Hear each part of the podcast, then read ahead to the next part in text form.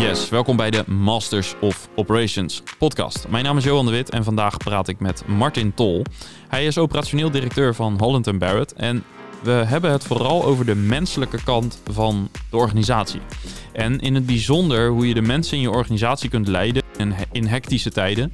Want dat uh, ja, hectische tijden heeft een retailketen zoals Holland Barrett natuurlijk achter de rug met corona. Deze podcast wordt aangeboden door Playbookify, software om jouw kennis en processen te managen. Dan gaan we nu naar het gesprek met Martin. Enjoy! Ja, Martin, van harte welkom. Dankjewel. Jij bent de, de COO van Holland Barrett. Een merk dat bijna iedereen wel zou moeten kennen, zou je zeggen, als je een beetje door de Nederlandse uh, straten gaat. Uh, maar zou je misschien kort voor de luisteraar willen vertellen wat jullie precies doen en uh, wat jouw rol is? Zeker. Uh, Hollandenberg bestaat inmiddels al 150 jaar. Uh, dus een hele rijke geschiedenis, mag ik wel zeggen. Meer dan 1600 winkels wereldwijd, waarvan, zoals je al zegt, 200 in Nederland en 30 in België. En ik ben operationeel directeur bij Hollandenberg. En samen met Mark Estouzy en Lies Goezin, onze managing director en commercieel directeur, verantwoordelijk voor de Benelux. Um, ja, we verkopen een heel gevarieerd assortiment aan gezondheidsproducten, gezonde voeding, sportsupplementen, maar ook gez gezonde verzorgingsproducten. En als wij zeggen gezonde verzorgingsproducten, dan bedoelen we eigenlijk producten waar geen nasties in zitten. Dus geen microplastics, geen parabenen, SLS of andere dingen die ongezond zijn voor, of niet goed zijn voor het milieu of niet goed zijn voor je huid bijvoorbeeld. Um, nou, dat gaat eigenlijk lekker, want we zitten in een groeimarkt. Ik denk dat wij ook in het winkelbeeld de enige one-stop shop zijn waar je dus al die producten onder één dak vindt. En nou ja, als ik moet benoemen wat maakt dat wij zo succesvol zijn, dan zijn er denk ik uh, twee dingen. Eén is de ingrediënten van onze producten, die hebben allemaal een oorsprong uit de natuur. Of zoveel mogelijk in ieder geval. Onze merkbelofte is dan ook niet voor niks leven met de kracht van de natuur. Want dat is waar wij al onze lessen vandaan halen. En de tweede, dat is misschien wel de allerbelangrijkste, dat zijn onze medewerkers. Onze medewerkers hebben echt een enorme schat aan ervaring en kennis vooral. Daar faciliteren we ook in natuurlijk met, zo'n, met een Health and Happiness Academy. Waar we workshops geven, waar we e-learnings hebben, waar ze alles leren over onze producten en de werking ervan. En ontzettend leuk bedrijf om voor te werken veel energie. Uh, nogmaals, we zitten in de groeimarkt. Mensen zijn allemaal bezig met gezondheid. Zeker na, na zo'n pandemie. Ja. Dus ontzettend leuk. Ja.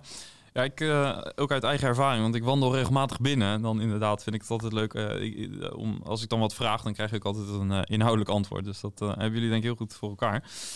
Um, ja, je geeft zelf aan, je zit in een groeimarkt, uh, maar ook in een markt waar natuurlijk heel veel gebeurt. Dus als ik, als ik jullie markt even als retail definieer, dat is natuurlijk het overkoepelende uh, gebeuren. Maar um, wat, wat, wat zijn een beetje de belangrijkste trends geweest, um, ook in de afgelopen zeg maar drie jaar met COVID erbij? Ja, dus um, wat we zagen is dat, of nou ja, goed, gezondheid is natuurlijk de laatste zeg tien jaar sowieso al aan het groeien. Of is in ieder geval een belangrijk onderwerp voor, voor mensen. Um, en wat de pandemie gedaan heeft, is die heeft eigenlijk alles alleen maar in een stroomversnelling gebracht voor ons. Uh, zo, hè, als er dan bijvoorbeeld een viroloog bij Jinek aan tafel zei dat resveratrol bijvoorbeeld uh, kon bijdragen aan het tegengaan van bloedpropjes in de bloedbanen, nou dan uh, stonden de volgende dag weer rijen met mensen bij ons voor de winkel. Ja, ja, ja. Dus mensen zijn eigenlijk door die pandemie alleen nog maar meer bewust geworden van, nou ja, de, van, van gezondheid en wat, wat ze daar zelf mee kunnen.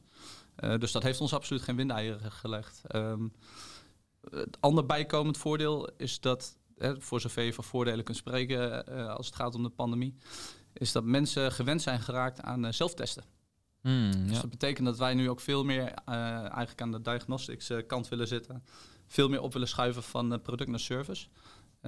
zodat we bijvoorbeeld ook mensen testen kunnen gaan laten doen. of wij testen met klanten kunnen doen. Oh, daadwerkelijk in de winkel? Ja, maar dat vraagt ook best wel een, uh, wat van de kennis van de medewerkers, uh, van de winkelinrichting kan ik me voorstellen. Ja.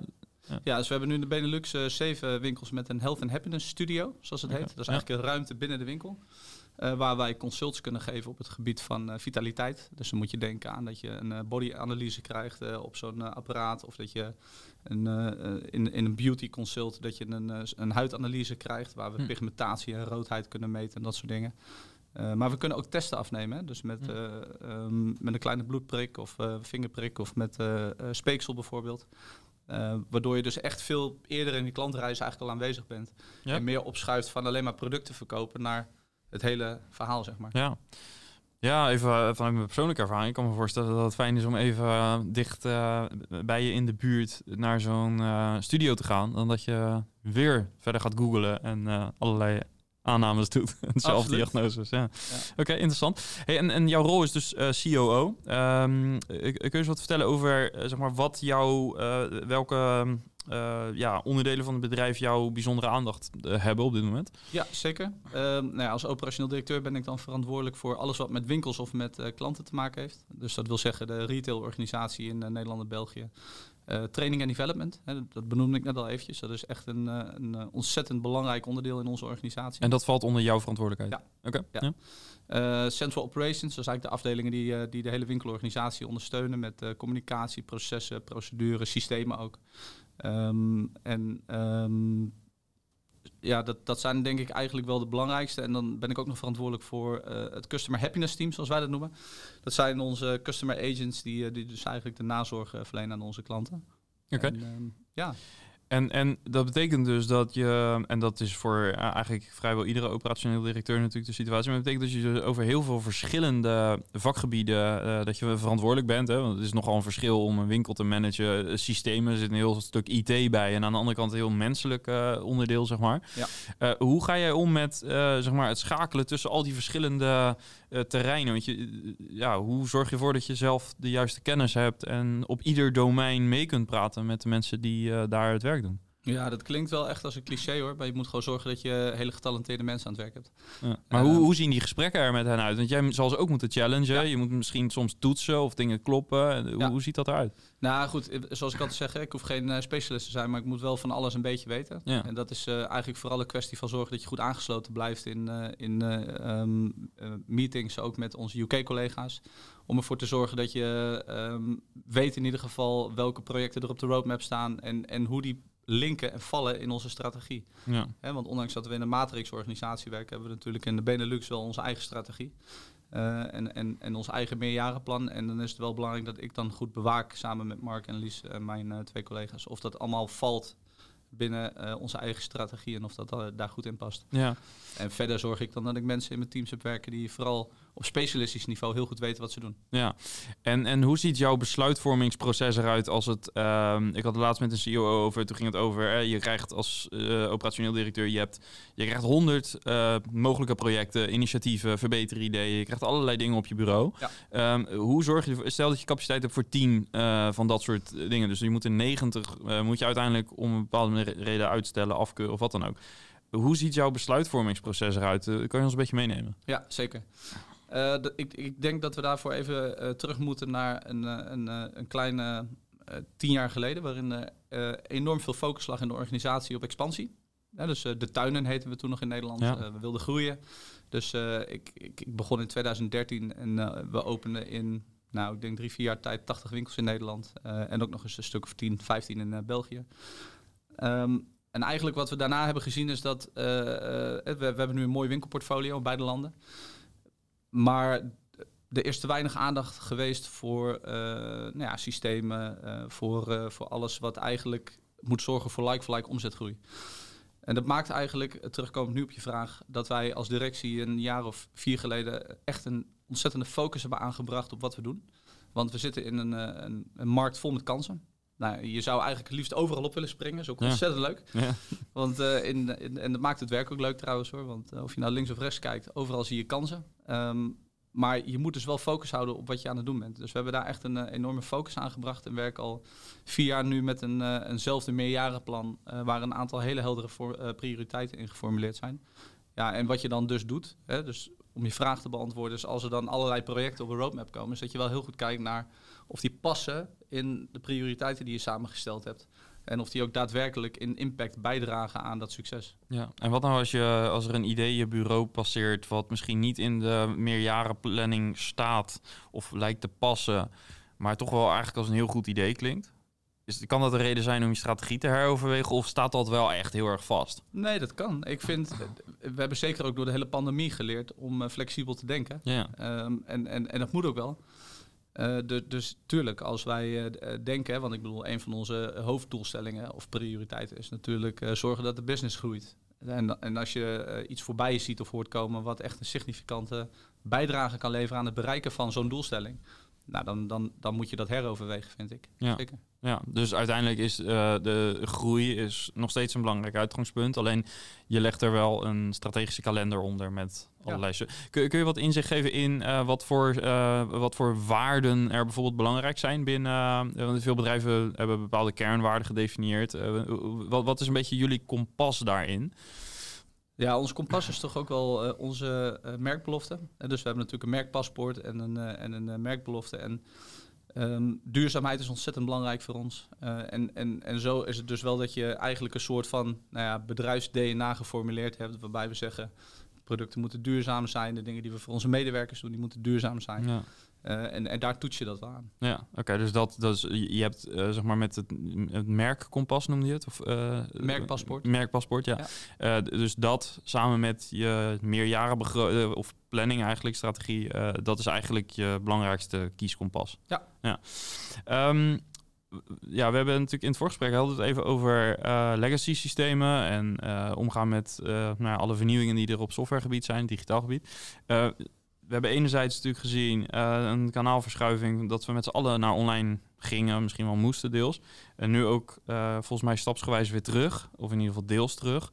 wat is de impact op jullie IT-infrastructuur geweest van, van deze transformatie? Ja, ik zou hem wel iets breder willen trekken nog dan alleen IT-infrastructuur. Want het heeft ook een enorme impact gehad op onze operatie in het distributiecentrum bijvoorbeeld. Mm. dus, dus eigenlijk wat er gebeurd is, je maakt een uh, hele lineaire groei door uh, al jaren. En nou ja, COVID zorgt er ineens voor dat er een kanaalverschuiving plaatsvindt van, van retail naar online. Wat een enorme druk met zich meebrengt op ons distributiecentrum. Dus je wordt echt tot uiterste gedwongen. En, en inderdaad, daarmee kom je er dan ook achter dat je IT-infrastructuur uh, nou ja, te wensen overlaat. Dat je met legacy systems werkt. Dat de replenishment systemen niet goed werken. Dat de checkout of, of überhaupt de website of het platform van de website misschien niet optimaal is.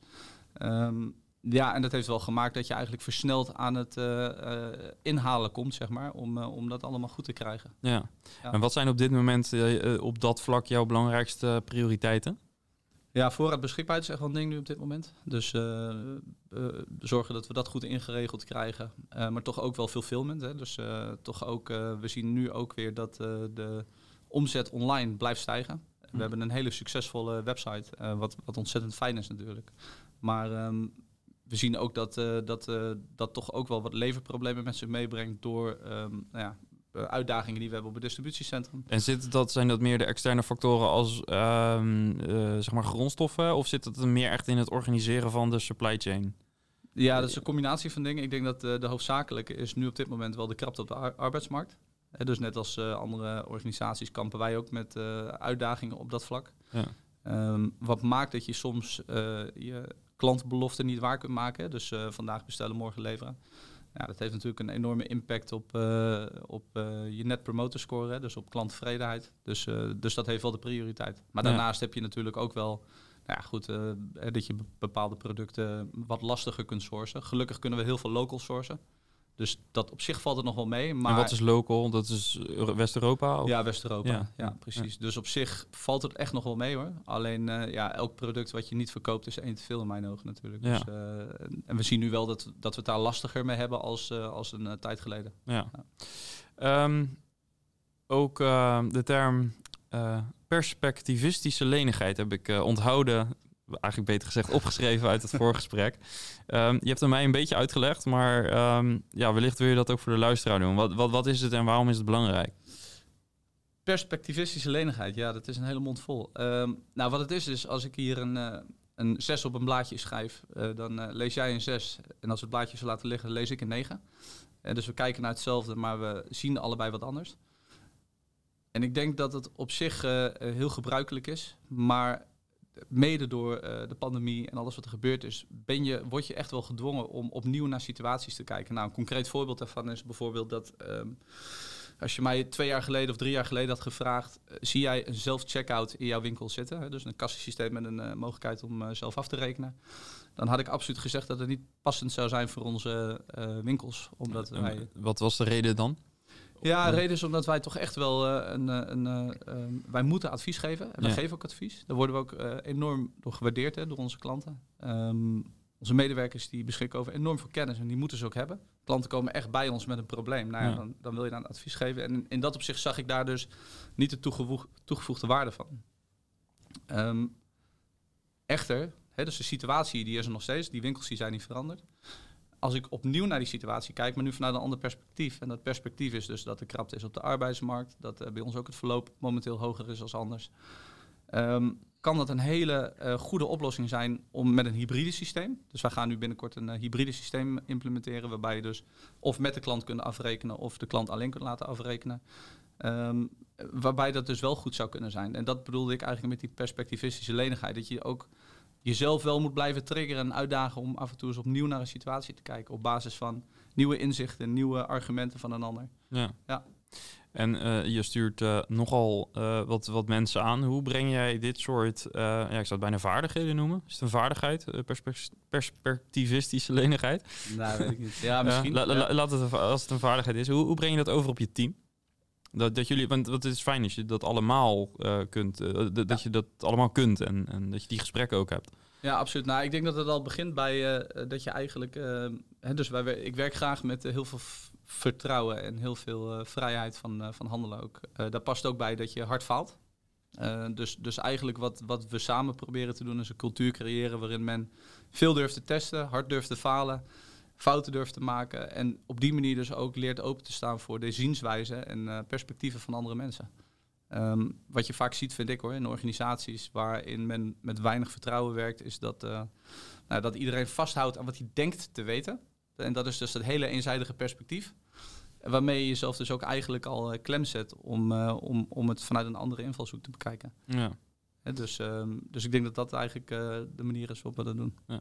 En, en hoe, wat, wat zijn instrumenten of initiatieven om dit echt te, te blijven trainen in je team? Want dit klinkt natuurlijk heel goed en logisch ook. Maar de, het, het, is, het is niet zo makkelijk als dat je het nu uitspreekt, denk ik. Om dat echt in de haarvaten van je organisatie te, te, ja, te laten manifesteren. Nee, dit kun je ook niet trainen hoor. Uh, hm. Cultuur, dit, dit, dit, is iets wat je moet uh, ontwikkelen door te doen hm. en door te laten zien. Ja. dus uh, roepen dat je iemand vertrouwt en ruimte geeft om te falen is één, maar laten zien dat het ook gewoon kan, dat is een tweede. En, en, en dat moet je dus iedere dag blijven doen met elkaar. Ja. dus echt de stimulus om. ja, mijn collega die zei, die zei het heel mooi, die zei we moeten spelen om te winnen en niet spelen om niet te verliezen. Hm. Dus, uh, en dat is ook de ruimte waarin we opereren en, uh, en de markt waarin we opereren. Dus er is veel uh, nou, kans op groei. Ja. En dat kan alleen met zo'n mindset en met, met zo'n bedrijfscultuur. Ja.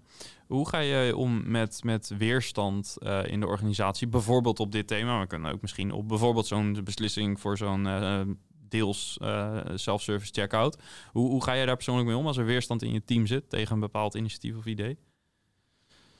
Ja, dan kom je eigenlijk toch weer uit bij die lenigheid. Want uh, op het moment dat je echt weerstand, uh, dat je het als weerstand ervaart, dan wil dat eigenlijk zeggen dat je heel erg vasthoudt aan je eigen perspectief. Hm.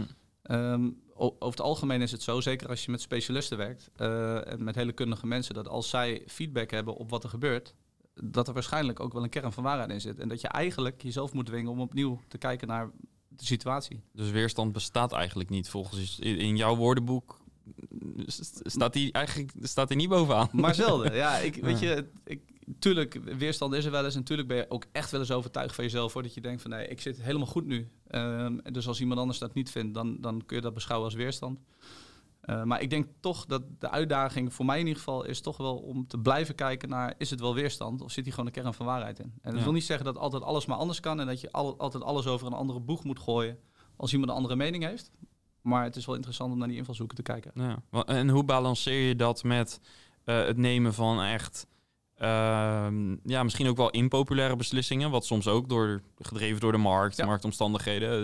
Uh, hoe combineer je dat? Want soms zul je wel misschien even, ehm, nou ja, misschien de iets minder democratische route moeten kiezen. Ja, of, zeker. Of, ja, dat komt voor. Nou, dat komt voor.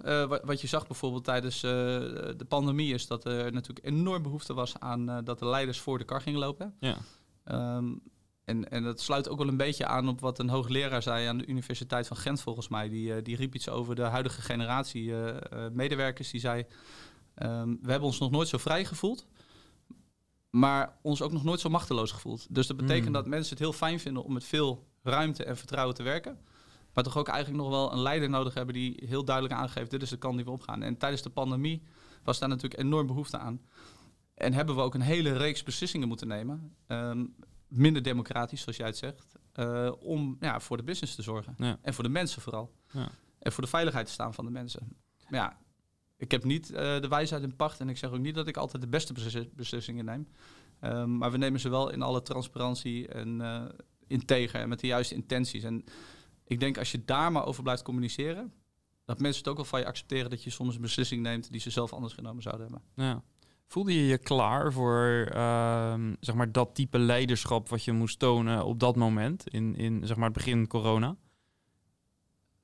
is een mooie vraag.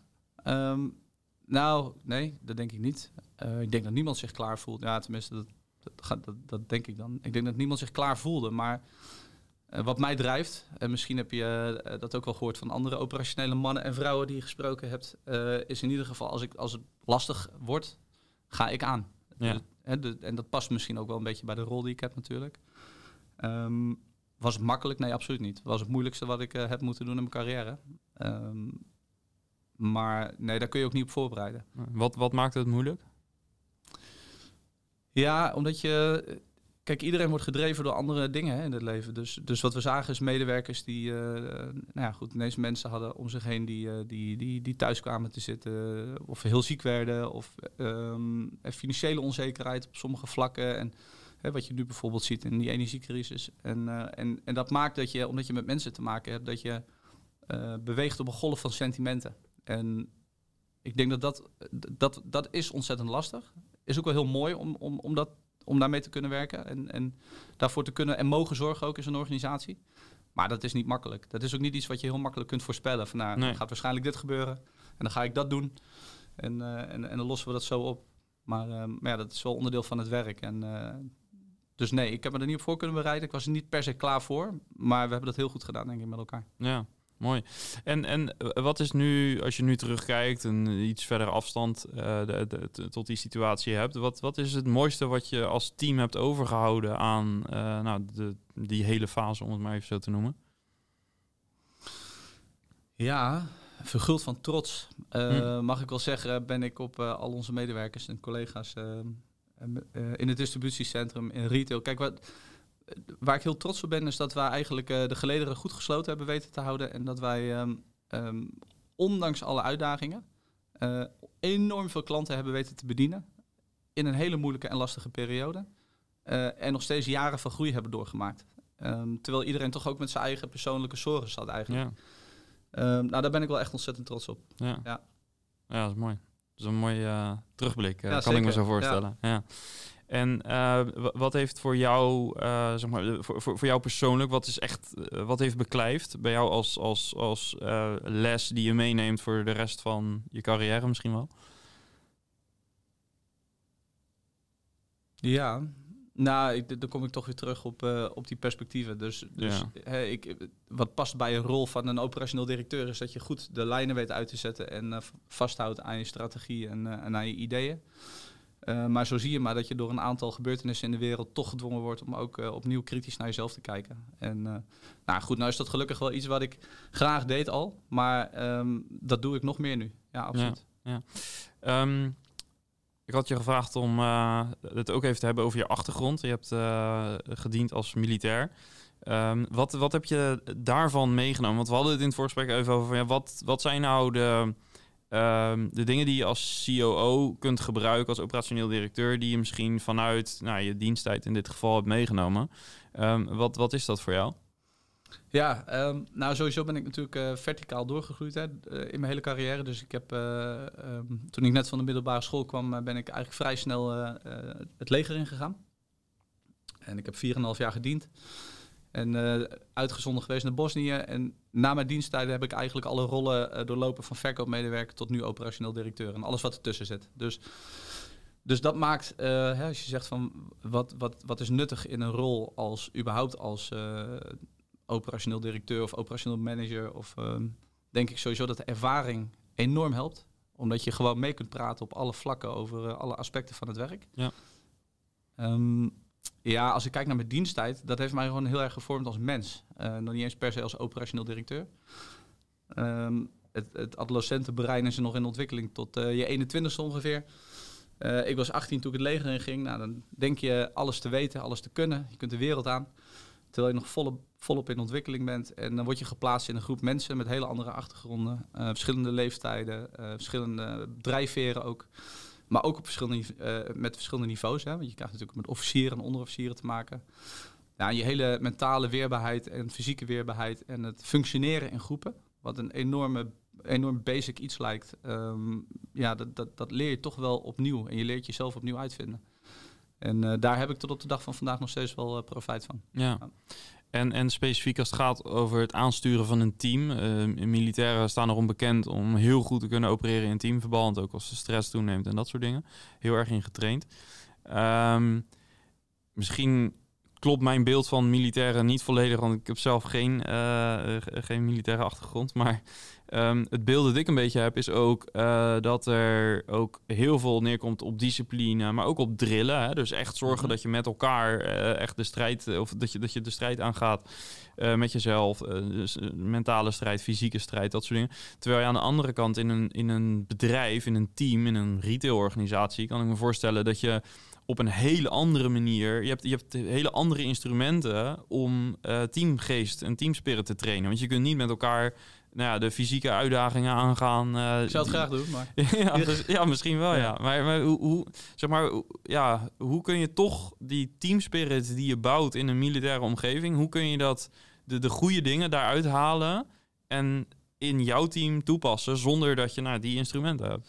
Ja, nou, ik, uh, ik, ik, denk dat... Uh, door je ego buiten de deur te laten, hè, dat is al één. Want, want in dienst word je letterlijk op de eerste dag dat je binnenkomt gestript tot, tot op je onderbroek. En dan ben je alleen nog maar die man of vrouw in, in haar ondergoed of zijn ondergoed.